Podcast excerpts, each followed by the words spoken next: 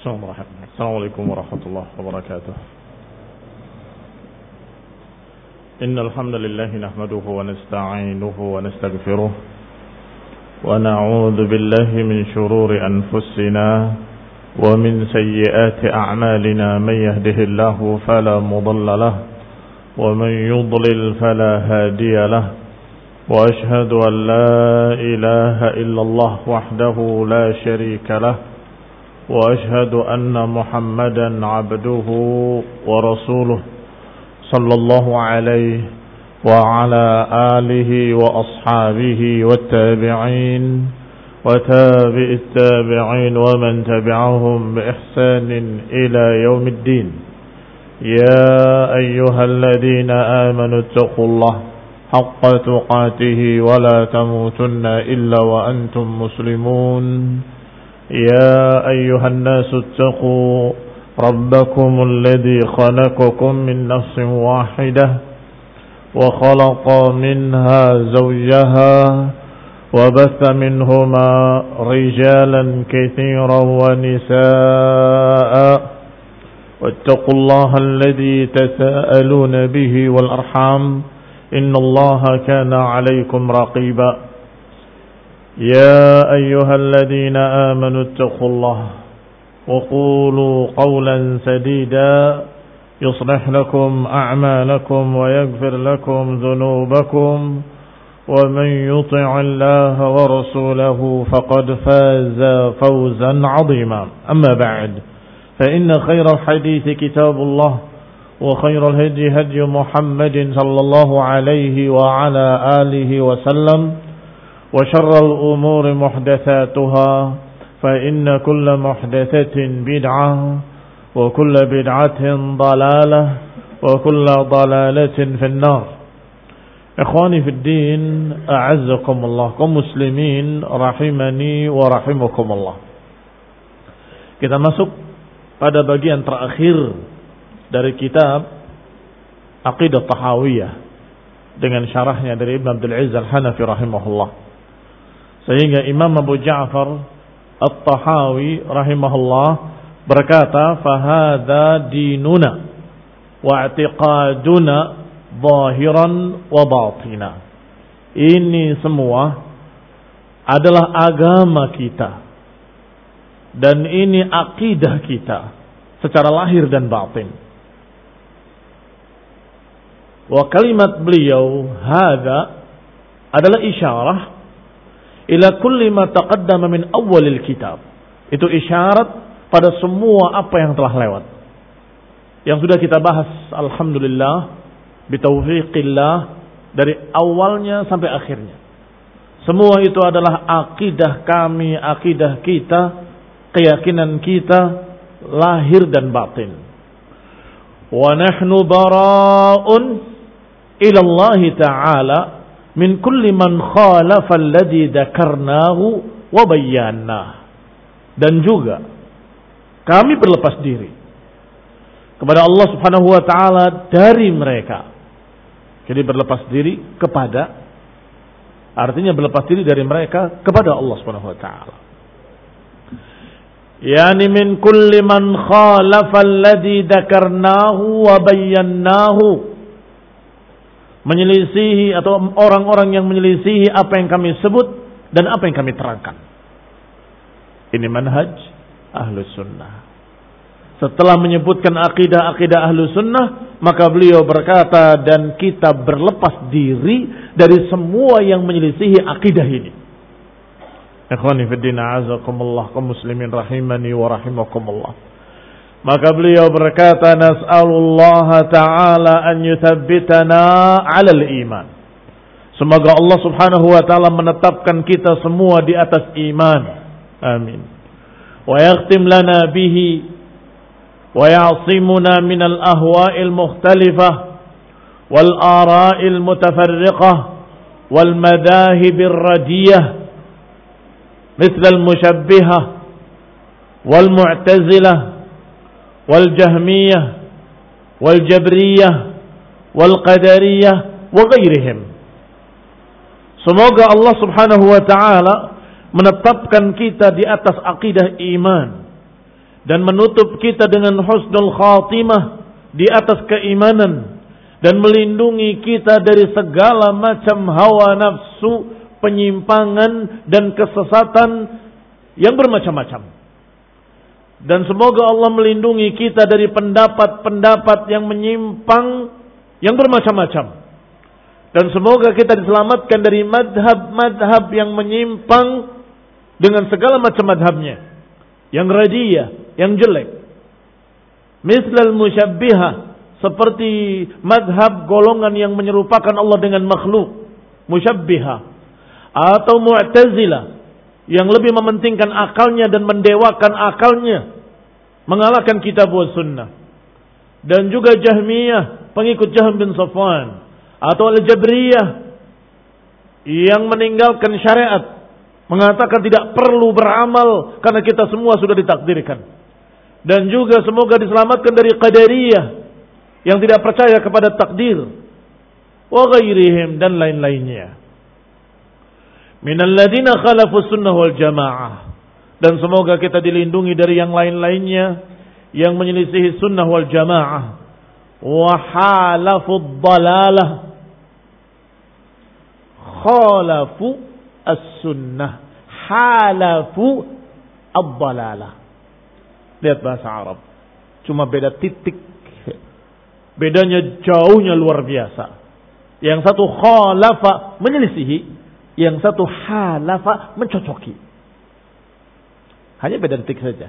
Khalafu dan halafu. Kita berlindung pada Allah Subhanahu wa taala dari golongan-golongan yang khalafu sunnah wal jamaah wa halafu dalalah. Semoga kita dilindungi dari golongan-golongan yang menyelisihi sunnah dan menyelisihi al-jamaah dan mencocoki kesesatan. Wa nahnu minhum bara. Dan kita berlepas diri dari mereka semuanya. Wa hum indana dhullal wa ardiya. Dan mereka menurut kami khusus yang sudah disebut tadi musyabbihah, mu'tazilah, jahmiyah, jabriyah, qadariyah ila akhirih mereka itu dhullal kelompok-kelompok sesat. Ardiya jamak rodi jelek wabillahil ismah wat taufiq dan kepada Allah lah perlindungan hanya Allah SWT yang bersih dari segala macam kesalahan dan juga dari Allah perlindungan dan taufik. Ikhwani fillah azakumullah. Disebutkan oleh Ibn Abdul Aziz Al-Hanafi rahimahullah yang disebutkan oleh Abu Ja'far At-Tahawi. Pertama musyabbihah. Humul ladina syabbahu Allah subhanahu wa ta'ala bil khalqi fi sifatihi. Al-musyabbihah adalah mereka-mereka yang menyamakan Allah dengan makhluk dalam sifat-sifatnya. Wa qawluhum aksa qawlin nasara.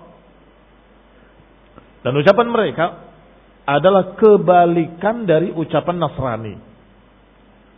Ucapan Nasrani syabbahul makhluqa wa huwa Isa alaihi salam bil khaliq dengan penciptanya waja'aluhu ilahan dan dijadikan sebagai Tuhan.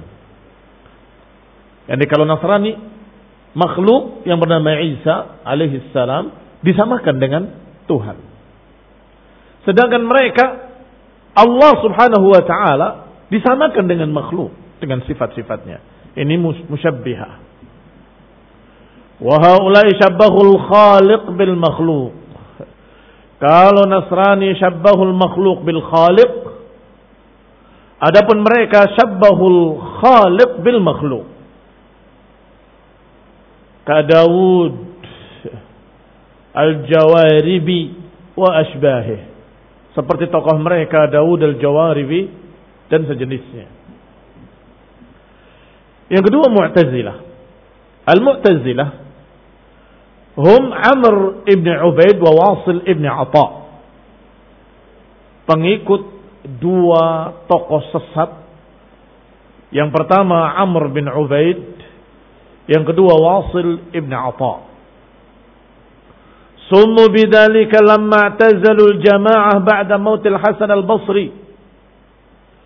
Dinamakan dengan Mu'tazilah yang bermakna terkucil, yang mengucilkan diri, yang memisahkan diri. Karena mereka memisahkan diri dari jamaah pengikutnya Al-Hasan Al-Basri rahimahullah ba'da mautihi setelah meninggalnya beliau fi awailil mi'at tsaniyah di awal abad kedua di awal seratus kedua maksudnya di abad kedua wa kanu yajlisuna mu'tazilin mereka duduk memisahkan diri karena memang berbeda sendiri dengan seluruh kaum muslimin ahlus sunnah pengikut Al-Hasan Al-Basri rahimahumullahu ajma'in. Fayaqulu Qatadah, berkata Qatadah wa ghairihi dan lainnya, ulaikal mu'tazilah. Maka Qatadah berkata mereka itu kelompok terkucil atau kelompok yang memisahkan diri. Waqila dikatakan pula, Inna Wasil ibn Atha huwa alladhi wada'a usul madhhab al-Mu'tazilah. Dikatakan pula bahwa Wasil bin Atha adalah orang yang pertama meletakkan dasar-dasar pemikiran Mu'tazilah.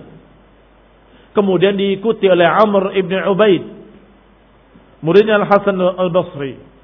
Falamma kana zaman Harun Al-Rashid. Ketika di zaman kekhilafahan Harun Al-Rashid. Sannafa lahum. Ditulislah oleh seseorang namanya Abul Hudail untuk mereka. Menulis untuk mereka artinya menulis madhab mereka. Wabayana madhabahum. Dijelaskan madhab mereka tadi. Yang tadinya hanya fulan, fulan, fulan bisa dihitung dengan jari. U'tuzilu, terpisah, terkucil ila akhirnya. Ternyata di zaman Harun al-Rashid ada seseorang yang menuliskannya. Dalam buku. Dalam dua kitab. Dan bukunya itu menjelaskan tentang keyakinan madhab dan kebenaran madhab Mu'tazilah. Wabana madhabahum alal usulil khamsah. Dibangun madhab mereka di atas lima dasar. Pancasila. Pancasilanya mereka. Jangan salah paham. Nggak ada urusannya dengan politik. Usulul khamsah maknanya, terjemahannya Pancasila Allati sammuha yang mereka sebutkan prinsip lima ini. Apa saja? Prinsip limanya Mu'tazilah. Yang pertama al-adl, keadilan. Yang kedua tauhid. Yang ketiga janji pasti terjadi. Yang keempat kedudukan di antara kedua kedudukan. Yang kelima amar ma'ruf nahi munkar. Masya Allah. Lima prinsip yang kelihatannya bagus. Keadilan, tauhid, penerapan janji. Kemudian kedudukan di antara dua kedudukan itu artinya kedudukan tengah. Poros tengah. Baik. Yang kelimanya adalah amar ma'ruf nahi munkar. Tetapi jangan tertipu dengan Mu'tazilah. Jangan tertipu dengan haula'id dullal apa yang mereka ucapkan terlihat secara dohirnya kayaknya bagus, tetapi yang dimaksud oleh mereka batil. Yaquluna qawlan wa yuruduna qawlan. Mereka mengucapkan satu ucapan, tetapi yang mereka inginkan maksud lain. Kita lihat satu persatu. Keadilan. Apa makna keadilan buat mereka? Prinsip pertama keadilan. Bahwa Allah tidak mungkin menakdirkan. Kalau Allah menakdirkan si fulan mukmin, si fulan kafir, berarti Allah tidak adil. Jadi keadilan sama dengan menolak takdir. Paham ya? Hati-hati, jangan tertipu dengan ahlul bidah. Ahlul bala selalu punya kalimat-kalimat yang indah yang ternyata menipu. Kalimat yang sepertinya bagus ternyata yang dimaksudkan makna lain. Sebagaimana ucapan Ali bin Abi Thalib mengomentari ucapan-ucapan Khawarij. Apa kata Imam Ali bin Abi Thalib radhiyallahu anhu? Qala kalimatu haqqin urida bihal batil. Kalimatnya hak, tetapi yang dimaukan mereka adalah batil. Kapan diucapkan? Ketika Khawarij mengangkat mushafnya di atas pedang tinggi-tinggi sambil menyatakan la hukma illa lillah. Enggak ada hukum kecuali milik Allah. Kalimatnya hak. La hukma illa lillah. Ada dalam Quran ada dalam sunnah. Bukan satu ayat bukan dua ayat. Sekian banyak ayat. Apa hukum jahiliyah tabghun? Apakah hukum jahiliyah yang kalian inginkan? La hukma illa lillah. Tetapi maksudnya adalah enggak perlu ada penguasa. Nggak perlu ada Muawiyah, nggak perlu ada Ali, nggak perlu ada siapa pun. Berhukum dengan hukum Allah, nggak perlu adanya aturan-aturan yang lain. Nggak perlu ada pemimpin, nggak perlu ada khilafah, nggak perlu ada perjanjian bersama, nggak perlu semuanya. Fahada batil. Kenapa batil? Rasulullah SAW pernah mengadakan perjanjian dengan musyrikin Quraisy, pernah mengadakan perjanjian dengan Yahudi di Madinah, Pernah Rasulullah SAW memberikan persyaratan-persyaratan. Pernah Rasulullah Sallallahu Alaihi Wasallam bahkan menghukumi Bani Quraidah dengan sahabat Sa'ad bin Mu'ad. Panggil Sa'ad bin Mu'ad. Wahai Sa'ad bin Mu'ad.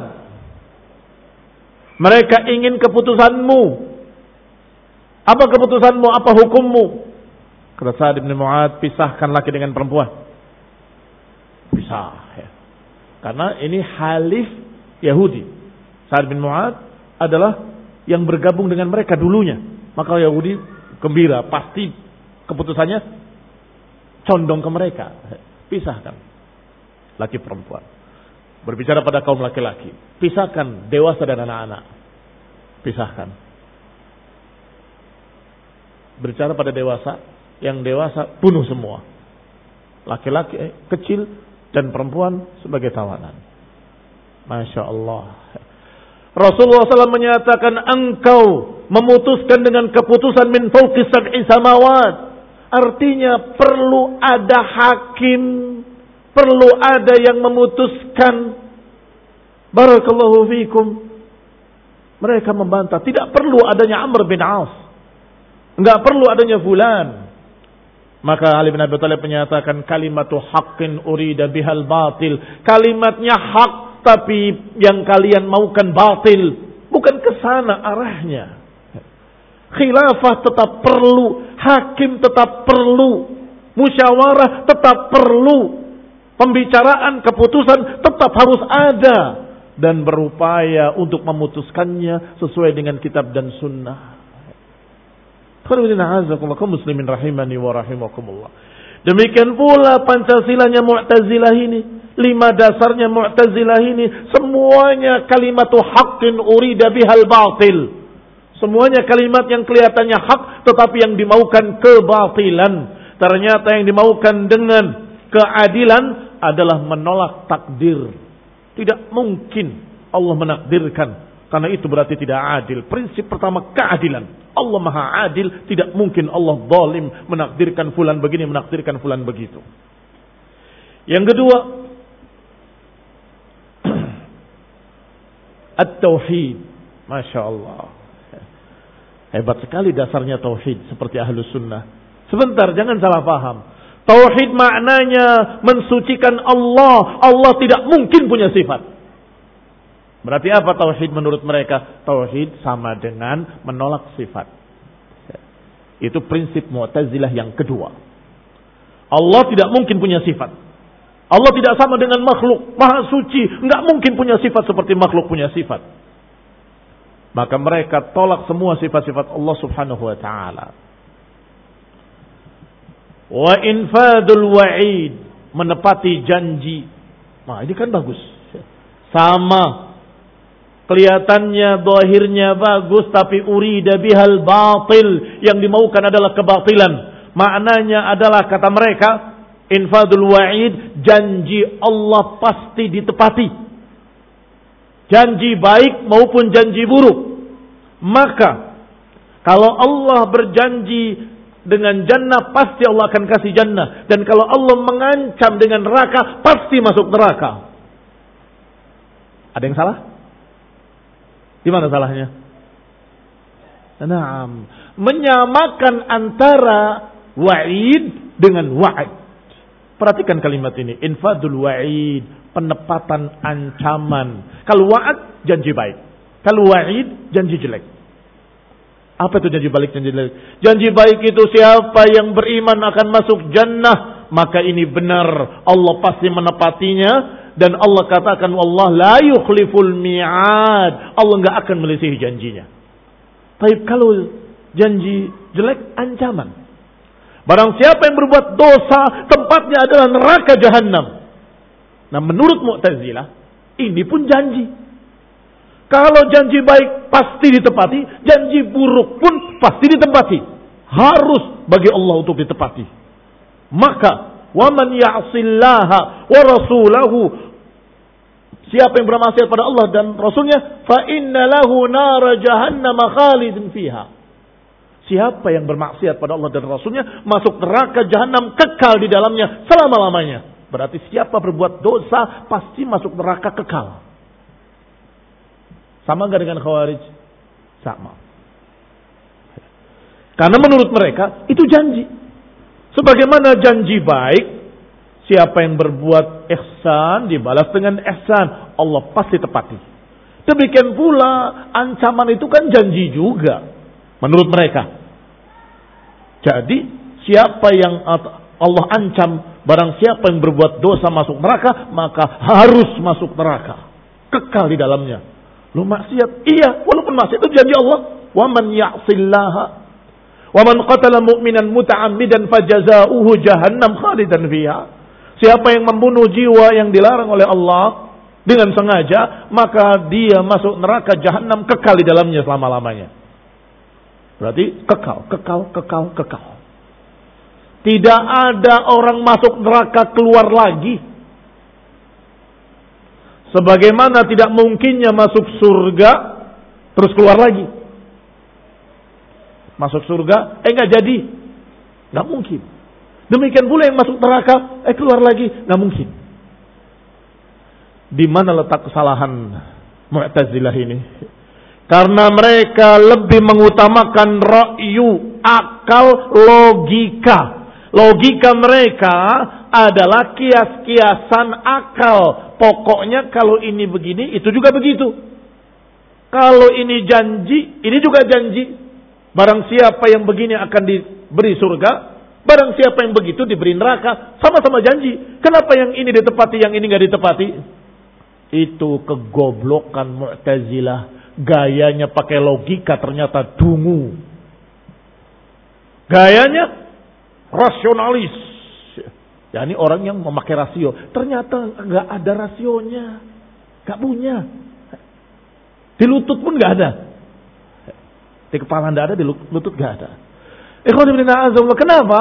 Sebab mereka tidak berpikir dengan rasio yang cerdas.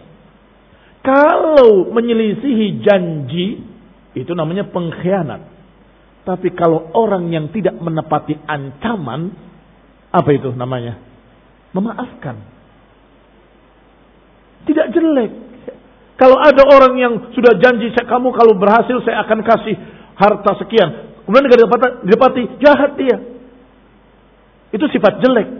Tetapi kalau ada orang kamu kalau melanggar saya pukul. Ternyata melanggar.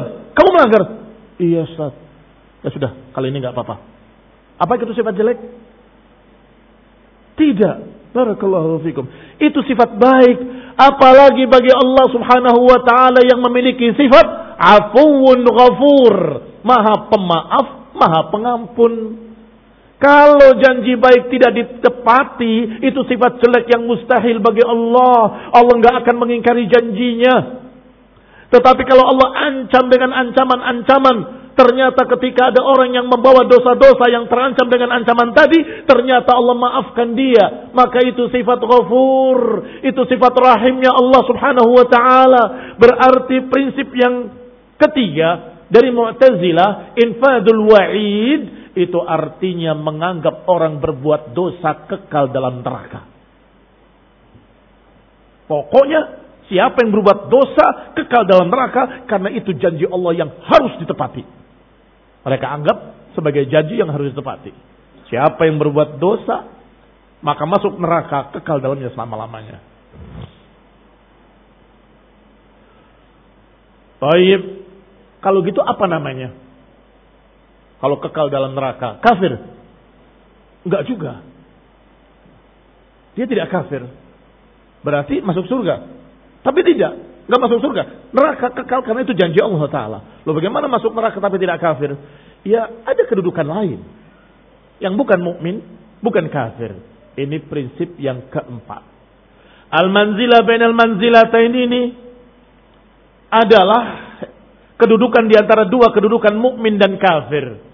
Menurut dia ada kedudukan yang bukan mukmin bukan kafir. Yaitu kedudukan fasik menurut mereka, tapi fasik dalam tanda petik. Fasik menurut Mu'tazilah. Karena fasik menurut kaum muslimin masih punya iman. Iya kan? Orang yang masih muslim, mukmin, fasik berbuat dosa, apakah dia hilang imannya? Ahlu sunnah menyatakan tidak hilang imannya. Dia mukmin bi imanihi wa fasiqun bidunubihi. Dia mukmin dengan keimanannya yang ada dalam hati yang kokoh, tetapi dia fasik karena dosa-dosanya. Sesuai dengan kadar dosanya, segitu kadar kefasikannya. Sehingga kalau nggak mukmin ya kafir. Tetapi Mu'tazilah menyatakan ada kedudukan, namanya kedudukan fasik. Orang fasik ini bukan mukmin. Wah, berarti kafir. Juga bukan kafir. Lalu terus bagaimana? Ada kedudukan di antara dua kedudukan. Ini harus diyakini sebagai prinsip yang keempat dari prinsip yang lima, prinsip Mu'tazilah. Qal selanjutnya dikatakan Yang kelima, amar ma'ruf nahi munkar. Bahwasanya boleh bagi kaum muslimin untuk mengingkari penguasanya alaniatan dan boleh mengingkarinya bahkan disunahkan sebagai jihad fi sabilillah menurunkan dengan paksa penguasa yang zalim melawannya memeranginya khuruj alaihim memberontak kepadanya Subhanallah. Mu'tazilah menganggap bolehnya memberontak. Murji'ah menganggap bolehnya memberontak. Syiah menganggap bolehnya memberontak. Subhanallah. Khawarij apalagi. Hampir sama mereka. Bahkan murjiah yang kelihatannya lembek, ternyata mereka juga menyatakan bolehnya memberontak. Ikhwani fiddin azakumullah. Yang sabar dan berpegang dengan imam sabirin yang sabar dan tetap di atas manhajnya imam sabirin Rasulullah SAW hanya ahlus sunnah selama tidak kafir mereka akan tetap berpegang dengan sunnah untuk sabar terhadap penguasa yang zalim Rasulullah SAW selalu berpesan berkali-kali isbiru isbiru isbiru hatta talaqawni alal haud sampai kalian bertemu aku di telaga haud kalau begini, sabar. Kalau begitu ya Rasulullah, sabar. Ya Rasulullah, ma'as'aluka an ta'atit taqi. Kami nggak tanya dalam masalah mentaati penguasa yang bertakwa itu kami nggak tanya, jelaslah harus kita ikuti. Tetapi yang kami tanyakan ya Rasulullah, man fa'ala kada wa kada. Man fa'ala wa fa'al, fadzakara syarr. Wa fa'ala man fa'al, mengerjakan apa yang dikerjakan, disebutkan kejelekan, kejelekan, kejelekan. Apa jawabannya? Sama. Tasbiru. Tasma' wa tuti' tetapi ditambah oleh Nabi di alimat kalimat pertamanya dengan ittaqullah. Ittaqullah. Wasma'u wa ati'u ma aqamu fikumus salah. Ittaqillah, bertakwalah pada Allah tetap taati, tetap sabari, tetap turuti selama tidak bertentangan dengan Quran dan Sunnah. Selama mereka masih menegakkan salat. Artinya jangan melawan, jangan memberontak. Bukan jangan menasehati, nasehati tetap menasehati. Dengan cara yang syar'i. Ikhwani fiddina azakumullah. Lengkaplah sudah prinsip dasar yang lima dari Mu'tazilah yang ternyata semuanya batil. Yang disebut dengan keadilan ternyata Allah tidak mungkin menakdirkan. Yang disebut dengan tauhid ternyata penolakan terhadap sifat-sifat. Yang dikatakan menepati janji ternyata bahwa orang yang berbuat dosa kekal dalam neraka. Manzilah bail manzilatain ternyata meyakini adanya kedudukan yang bukan mukmin bukan kafir. Dan yang amar ma'ruf nahi munkar ternyata pemberontakan atau bolehnya memberontak kepada penguasa muslim. Walabbasu fiha al-haqq bil batil dan mereka selalu mencampurkan hak dengan batil. Itsya'nal bid'ah hada karena memang keadaannya bid'ah yaitu bid'ah yaitu pencampuran kebenaran dengan kebatilan. Kalau kebatilan murni ya kekafiran namanya. Kalau kebenaran murni ya Islam namanya. Kapan dikatakan bid'ah? Ketika dicampurkan antara hak dengan batil. Ini hak, tapi dimasukkan kebatilan di dalamnya. Atau kebatilan dibungkus dengan kebenaran. Seakan-akan kebenaran. Itu yang namanya bid'ah. Istimaluha ala haqqin wa batil. Disebut bid'ah karena memang dicampurkan di dalamnya antar hak dengan batil. Kalau dibantah yang batilnya, mereka akan tonjolkan yang haknya. Masa hak dibantah? Kalau diterima yang haknya, masukkan kebatilannya. Repot kan? Itulah. Repotnya menghadapi ahlul dalal, ahlul bid'ah. Kalau ditegur kebidahannya, mereka akan menyatakan sholat dilarang. Sholat. Nggak boleh. Memang kalian itu anti sholat. Kalau bid'ahnya pada dikir, dikir dilarang. Memang kalian anti dikir, anti sholawat. Susah kan? Kalau diterima, Ya, kita harus wajib bersalawat. Kita diperintahkan barang siapa yang tidak bersalawat, maka dikatakan bakhil. Bahkan majlis yang tidak ada salawatnya dikatakan seperti bangkai keledai. Busuk. Anjurannya sangat banyak. Man salla alaiya salatan sallallahu alaihi biha ashran. Maka Nabi juga mengancam ragima anfum ri'in dzukirtu indahu walam yusalli alayya. Sungguh rugi, celaka orang yang disebut namaku tapi tidak bersalawat. Sallallahu alaihi wa ala alihi wasallam. Kita terima. Masya Allah, salawat bagus. Kan?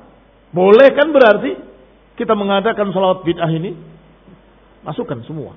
Di dalamnya ada syiriknya, di dalamnya ada ajaran baru, di dalamnya ada gulu, ada ekstrim, ada segala macam. Kayak semaan Bukan yang sekarang, yang dulu.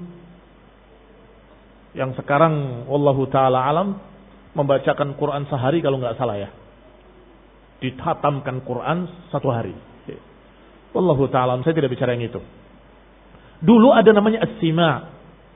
Di masa Imam Syatibi rahimahullah. Apa itu sima? Sima itu mereka berkumpul ba'dal isya di satu rumah. Kemudian mereka mengadakan sholat malam berjamaah. Kemudian mereka membacakan syair-syair. Syairnya tentang pujian pada Allah, pujian pada Nabi dan sejarah kisah Nabi. Ditanyakan kepada para ulama. Dijawab, terus apa yang kalian ajarkan? Kita dikir bersama, kita mengucapkan ini bersama, bersama, bersama. Aku lihat bahwa itu adalah bid'ah. Rasulullah SAW dan para sahabat tidak membuat acara seperti itu. Taknya ulama kedua, sama. Ulama ketiga, ulama keempat, sama jawabannya. Semua ulama harus menyatakan bahwa itu bid'atun muhdatsa. Akhirnya dia tanya pada ulama yang berikutnya dengan bahasa yang lain. Apa hukumnya mengingatkan kaum muslimin kepada sejarah Rasulullah SAW? dengan membacakan sirah pada mereka. Oh bagus, kata ulama tadi. Kalau pakai bentuk syair, tidak apa-apa, boleh. Kalau dibacakan pula di sana ya, uh, syair-syair pujian pada, tidak apa-apa. Bawa nih fatwa, boleh. Acara tadi boleh. Sebentar. Apakah ulama tadi menyatakan bolehnya acara tadi? Enggak. Dia enggak cerita acaranya. Dia hanya bagaimana kalau kaum muslimin diingatkan terhadap Rasulullah SAW dan sejarahnya. Ya boleh. Siapa yang enggak boleh mengajarkan sirah? Siapa yang melarang mengajarkan sirah nabawiyah? Oh kalau bentuk syair, bentuk syair kitabnya Ibnu Qayyim juga nunia dengan syair. Kenapa nggak boleh? Tidak disampaikan kalau itu acaranya dikumpulkan semalam suntuk. Nggak diceritakan kalau itu dibaca bersama. Nggak dibaca, di, nggak diceritakan bahwa di sana ada gulu di dalamnya. Nabi disebut sebagai pengatur langit dan bumi. Nabi sebagai penyebabnya adanya alam semesta. Nabi dikatakan ini gulu, nggak dibacakan, nggak disebut. Ya pasti ulama akan menyatakan bagus-bagus saja. Ini barakallahu fiikum sya'nul bid'ah, selalu mencampurkan hak dengan batil. Kalau dibantah kebatilannya, mereka akan berkata, ini hak kenapa dilarang? Kalau kita terima, oh iya hak, bagus itu. Kalau bagus, nah ini lihat. Bagus kan kata ulama fulan, ulama fulan. Dia tampilkan kebidahannya. Acara bid'ah ini disetujui oleh Syekh bin Bas, disetujui oleh Syekh Rabi. Masya Allah, dari mana kamu bisa? Karena pertanyaannya dikaburkan. Ikhwani fidina azaballakum muslimin rahimani wa rahimakumullah. Musyabbihah dan Mu'tazilah. Wa hum musyabbihatul af'ali li'annahum qasu af'al Allah taala ala af'al ibadih. Mu'tazilah tadi. Prinsip keduanya yang bernama tauhid ternyata menolak sifat. Apa alasan mereka menolak sifat?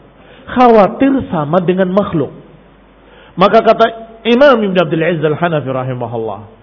Wahum musyabbihatul af'ali. Berarti mereka itu menyamakan af'alullah dengan makhluk.